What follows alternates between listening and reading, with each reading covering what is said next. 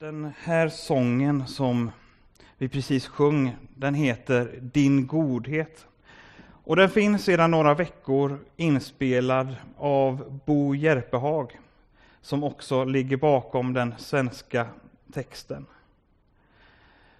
Och liksom jag hade sånger som fick fungera som ett soundtrack till predikan sist, så är den här sången en sådan sång för dagens predikan. Det är en sång som jag tycker andas en ljuvlighet, en innerlighet och en gudsnärvaro som jag tror att ni också känner av när ni hör den, när ni sjunger den. Så använd den gärna i era andaktsstunder. Och jag kommer dela en länk till sången efter gudstjänsten. Så spellistan denna söndag består endast av en sång. Men lyssna bara, jag upprepar det vi precis har, har fått sjunga. Jag älskar dig. För din nåd ska aldrig svika. Alla dagar är jag buren i din hand. Från den stunden när jag vaknar tills jag lägger mig igen vill jag sjunga om din godhet, min Gud. Du har alltid varit trofast. Du har alltid varit god, så god. Så länge jag har kraft att andas ska jag sjunga om din godhet, min Gud.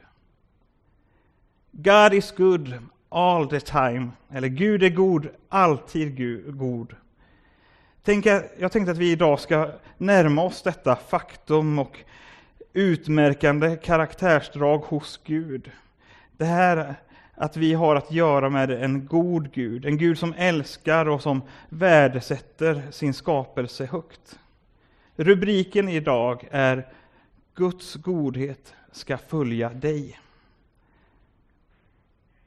Och vi går direkt till ett eh, bibelord. Vi går till Lukas kapitel 15 och från vers 4. Då säger Jesus så här. Om någon av er har hundra får och tappar bort ett av dem, lämnar han då inte de 99 i öknen och går och letar efter det borttappade tills han hittar det? Och när han hittar det blir han glad och lägger det över axlarna och när han kommer hem samlar han sina vänner och grannar och säger till dem, gläd er med mig, jag har hittat fåret som jag hade förlorat.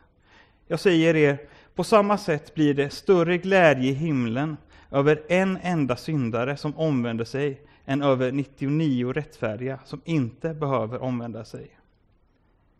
Gud som är den gode heden, han som är så god att han lämnar de 99 andra för att söka upp det får som har gått vilse, det får som är förlorat. Även om du själv har gett upp om dig själv, även om du själv ser dig som utdömd, som ingenting värt, så tror Gud på dig. Han söker upp dig, han överger dig inte, han ger aldrig upp om dig. Eller som i sången Den ofattbara kärleken, eller Reckless Love som den heter på engelska, och är inspirerad delvis av den här liknelsen. Den säger så här i sticket att det finns inga höga höjder, det finns inget mörker som kan hindra dig. Ingen mur du inte river, lugn du inte röjer, för att finna mig. Gud, han är inte passiv. Det är inte så att Gud sitter någonstans med armarna och i kors och inte gör någonting. Nej, han är i högsta grad aktiv och intresserad. Han griper in i situationer, han söker aktivt kontakt med sin skapelse. Han söker kontakt med dig och med mig. Gud, han öser på med välsignelser över oss, ja, över hela jorden. I Matteus 5 och 45 säger Jesus så här, ty han låter sin sol gå upp över onda och goda och låter det regna över rättfärdiga och orättfärdiga. Bara det faktum att Gud låter solen gå upp, solen som är en förutsättning för liv, och han låter det regna. Både bokstavligt och om vi vill lägga in fler aspekter av detta som välsignelse, så välsignar Gud oss på en mängd olika sätt. Att du och jag finns till det är Guds godhet. Det är bara att vi inte alltid kanske tänker på det. Vi tar det kanske ibland som självklart. det här att vi får finnas till. Jag har, ni som känner mig vet att jag är en periodare när det gäller mycket och när det gäller träning eh, så eh, har det kanske inte varit de senaste åren någon särskilt stor aktivitet från min sida. Men jag har, hör och häpna, börjat cykla. Och det kanske inte låter så märkvärdigt, eh, tycker någon, men för min egen del så är det ju märkvärdigt. Och I dessa tider av begränsningar så har jag försökt att börja odla lite bättre vanor. Så jag köpte en gammal retro racercykel från 80-talet och så har jag börjat ta mig ut på vägarna på cykelturer. Jag har cyklat längs kusten men också ut på landet bland gula rapsfält, grönska skogar och laggårdslukt. Igår så gick jag upp tidigt och började cykla klockan sex på morgonen. Då vägarna och gatorna låg tomma och morgonsolen som stiger, daggen i gräset. Och där ute på vägen så, en, en bit ut på vägen så hoppade ett par rådjur ut framför mig och skuttade fröjdefullt i morgondaggen. Och jag blev som helt upprymd. Eh, jag var som i, i, i någon form av börn i den här eh, cykelturen. Och då blev det som den här eh, Karl Bobergs O store Gud. Då brister själen ut i lovsångsljud. O store Gud, o store Gud. Alltså Gud, han är fantastisk. Hans skapelse vittnar verkligen om hans godhet. Vi kan se det överallt, vittnesbördet om att vi har att göra med en oerhört god Gud. Så vi omges av Guds godhet, men det är inte alltid att vi tänker på det. Och sedan finns det säkert i ditt liv och i mitt liv tillfällen då vi har märkt av Guds godhet lite extra. Lite som nedslag av Guds godhet. När den där situationen som var så problematisk och omöjlig löste sig.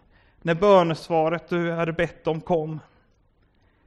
När Gud mötte dig starkt och påtagligt. När du blev överöst av en gudomlig kärlek.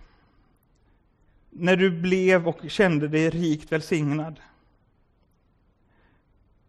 Men trots att vi får de här nedslagen i våra liv så kan det ändå bli att vi ibland missar det. Att vi ibland glömmer bort det. Jag tänker på Israels folk. Det folket som hade varit slavar i Egypten men blivit befriade. Och gång på gång under deras vandring som ifrån Egypten så fick de vara med om under efter under, mirakel efter mirakel. Och de fick bokstavligen vara med och se, att, eh, se Gud förse dem med mat och med vatten varje dag. Men ändå kunde de längta tillbaka till köttgrytorna i Egypten, tiden som slavar. Din godhet ska följa mig. Guds godhet ska följa dig. Ibland behöver vi, tror jag, träna upp våra ögon så att vi ser. När man exempelvis är på jakt efter en viss sak, låt oss säga att vi ska köpa en ny bil och vi har bestämt vilken bilmodell som vi har tänkt att köpa. Då kanske ni också varit med om det, att helt plötsligt så ser man de där bilarna överallt.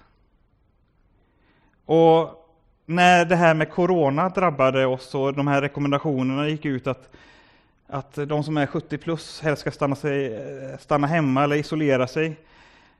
Då skrev min lillebror på sociala medier, vill jag minnas, att han hade börjat se 70-plussare överallt på stan. Men jag tror att de har nog varit där hela tiden. Men när vi börjar träna upp våra ögon, när vi öppnar vår förväntan över att se, och över att se i det här fallet Guds godhet, så tror jag att vi kommer se mer av Guds godhet. Gud, vad gör du just nu i denna situationen? Vad är du i färd med här? Vad är din godhetsrörelse som jag kan få ansluta mig till? När livet och tillvaron rasar, när du får gå igenom, för det undkommer ingen att vi får gå igenom jobbiga perioder, så är Gud fortfarande god. Det finns en ganska välkänd berättelse eller dikt som jag inte har en aning om hur många vykort, affischer, bokmärken som den här eh, berättelsen finns på. Författaren är vad jag vet okänd, men den heter Fotspår i sanden. Och den går så här. En natt hade en man en dröm. Han drömde att han gick längs en strand tillsammans med Gud. På himlen trädde plötsligt händelser från hans liv fram. Han märkte att vid varje period i livet fanns spår i sanden av två par fötter. Det ena spåret var hans, det andra var Guds. När den sista delen av hans liv framträdde såg han tillbaka på fotspåren i sanden. Då såg han att många gånger under sin levnadsvandring fanns det bara ett par fotspår. Han märkte också att detta inträffade under hans mest ensamma och svåra perioder av sitt liv. Detta bekymrade honom verkligen och han frågar Gud om detta. Herre, du sa den gången jag bestämde mig för att följa dig att du aldrig skulle överge mig utan gå vid min sida hela vägen. Men jag har märkt att under de allra svåraste tiderna i mitt liv har det funnits bara ett par fotspår. Jag kan inte förstå att du lämnade mig när jag behövde dig mest. Herren svarade, mitt kära barn, jag älskar dig och skulle aldrig lämna dig under tider av prövningar och lidande. När du såg bara ett par fotspår, då bar jag dig. Gud, han överger dig inte. Han går med dig vid din sida hela vägen. Och de stunder då du inte orkar eller kan gå själv, då bär han dig. Jag blir så berörd. Men liksom den, här, den där som lämnar de 99 för att söka upp det hundrade fåret som sprungit bort tills han hittat det.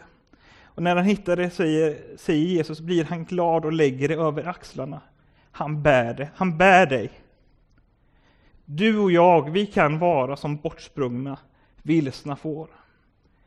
Det händer att vi ibland på vår livsvandring hamnar vilse. Det har hänt mig att jag sprungit iväg i jakten på min egen lycka, i jakten på att klara mig själv, att jag tror vad jag tror är det bästa. I jakten på vad andra sagt åt mig, eller förväntat och sagt. Det finns mycket i livet som vill dra i oss, och ibland så hamnar vi snett. Ibland gör vi fel. Och ibland försöker vi göra och prestera så mycket, leva upp till ett ideal som verkar ouppnåeligt. Och på resan dit tappar vi bort oss själva. Men jag har ett ord till dig. Surrender. Släpp taget, ge upp. Fortsätt inte rusa iväg, spring inte vidare. Du blir bara trött och du känner dig bara mer vilse. Stanna där du är just nu. Och om du ropar det högt eller ropar det tyst för dig själv, ropa på Jesus. Um det finns eh, sådana där GPS-mottagare. Ni kanske känner till det, vi har dem i, våra telefoner, men de kan finnas också som en liten nyckelring. Det är praktiskt för att hitta bortsprungna husdjur, barn eller glömska vuxna. Gud, han har koll på din GPS. Han vet din position. Hjälpen den kommer. Hjälpen den är redan här.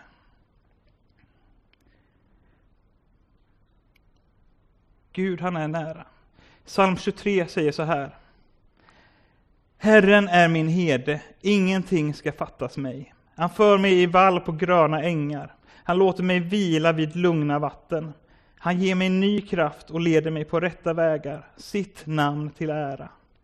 Inte ens i den mörkaste dal fruktar jag något ont, ty du är med mig. Din käpp och din stav gör mig trygg. Du dukar ett bord för mig i mina fienders åsyn. Du smörjer mitt huvud med olja och fyller min bägare till bredden. Din godhet och nåd ska följa mig varje dag i mitt liv och Herrens hus ska vara mitt hem så länge jag lever. Guds godhet och nåd ska följa dig varje dag i ditt liv och Herrens hus ska vara ditt hem så länge du lever. Gud är inte långt borta. Gud är dig nära. Vad har Gud gjort i ditt liv? Hur har du fått erfara Guds godhet? Berätta, sjung om det här vittnesbördet. Påminn dig själv, men berätta också för andra. Ditt vittnesbörd, din historia, din berättelse, det kan väcka och föda tro för andra. Hur? Jo, berätta för dem du träffar. Det kan vara grannen eller främlingen bredvid dig på busshållplatsen. I dessa tider kanske sociala medier kan vara en väg.